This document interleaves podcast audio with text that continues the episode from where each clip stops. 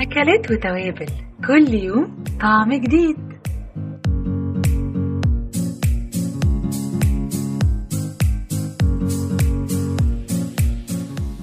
أهلا وسهلا بيكم في حلقة جديدة من برنامجكم أكلات وتوابل من بودكاست المصري اليوم وأنا منة الله مدحت.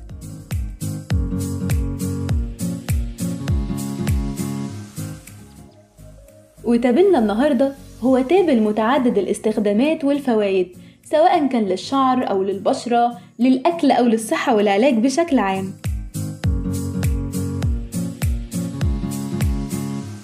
ألا وهو تابل الخولنجان. ما تحاولش تبقى أي حد تاني غير نفسك. دور بنفسك جوه نفسك. ما تكسلش وقوم قلب ودور هتلاقي ميزتك ميزتك في صوتك أو في رسمك. ما تستبعدش تبقى ميزتك حركه بيعملها جسمك. أو فكرة فانتاستيك في مخك. ميزتك نفسك في طبخك ممكن ميزاتك تطلع في لوحة أو كتاب والخولنجان ليه نوعين الخولنجان الصغير والخولنجان الكبير. فبالنسبة بقى لشكل الخولنجان الصغير أوراقه كبيرة وثماره بتتميز باللون الأبيض والأحمر. أما بقى بالنسبة لطوله فبيصل لحوالي 2 متر. وريحته جميلة بيستخدم في تعطير الفم. وللخولنجان أسماء كتيرة من ضمنها عرق الهيل. وفي اللغة الإنجليزية ألبينا وكمان الخولنجان الطبي.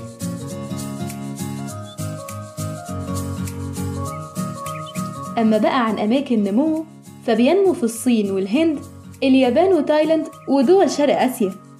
ونيجي بقى نتكلم عن نقطة مهمة وهي فوائد الخولنجان.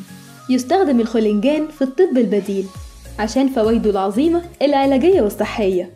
وده بسبب احتوائه على البوتاسيوم اللي مفيد لتنظيم حركة الأمعاء وبيلعب دور كبير في تنظيم الدورة الدموية وسرعة ضربات القلب كمان.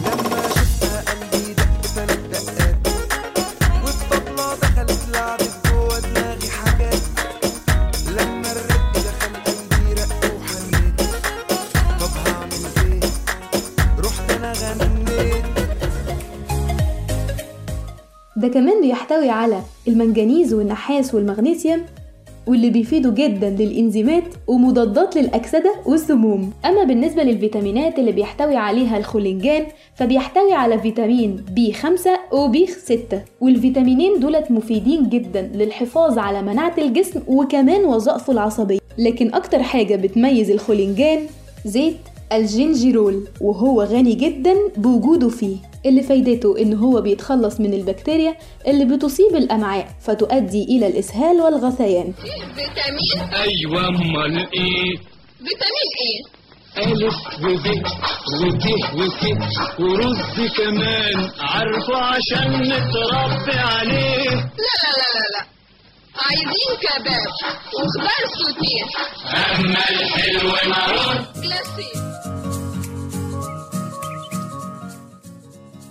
وفي دراسات بتقول إن التناول الدوري للخولنجان يؤدي لتحسين الجهاز الهضمي وأيضا إفرازاته وبيقلل من الإمساك والمغص وعسر الهضم.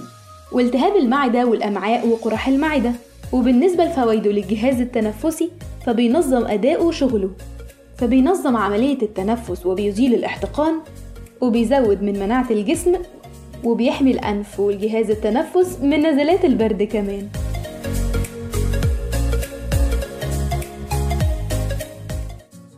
ده حتى زمان كانوا بيستخدموا الخولنجان كمشروب تقليدي اللي بيه بيحاربوا نزلات البرد عن طريق وضع جذور الخولنجان ومعاهم المية والبرتقال والليمون ودي كانت إحدى فوائد الخولنجان. أما بالنسبة لأضراره فزي ما إحنا عارفين كل حاجة بتزيد عن حدها بتتقلب لضدها. فتعالوا بينا نقول إيه اللي هيحصل لو تم الإفراط من تناول الخولنجان.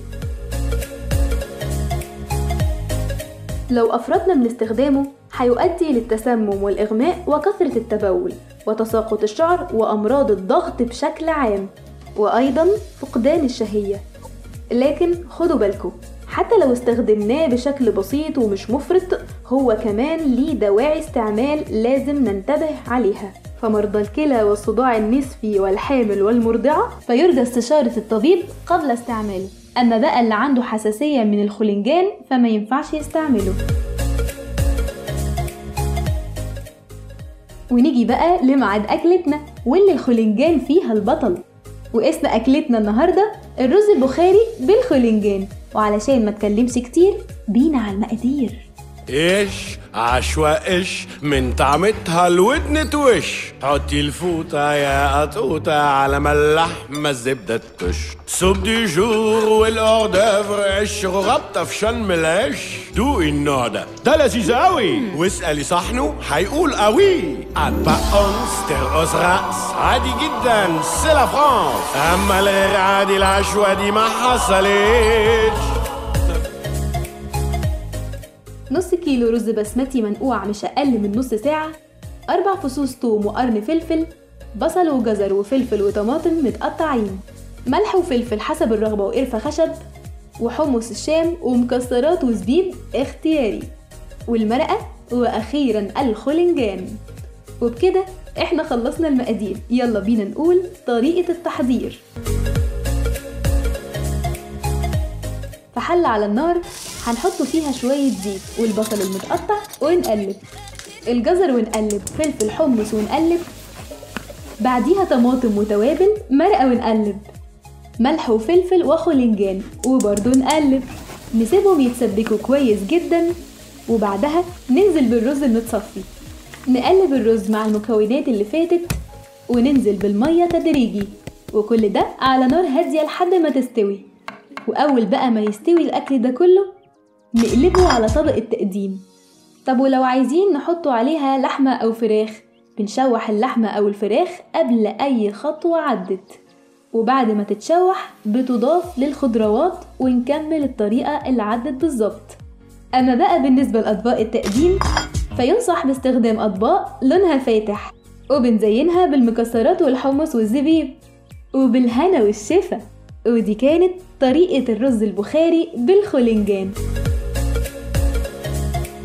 خلصت حلقتنا لكن أكلاتنا وتوابلنا لسه ما انتهوش. استنونا إن شاء الله الحلقة اللي جاية مع أكلة جديدة وتابل جديد من برنامجكم أكلات وتوابل.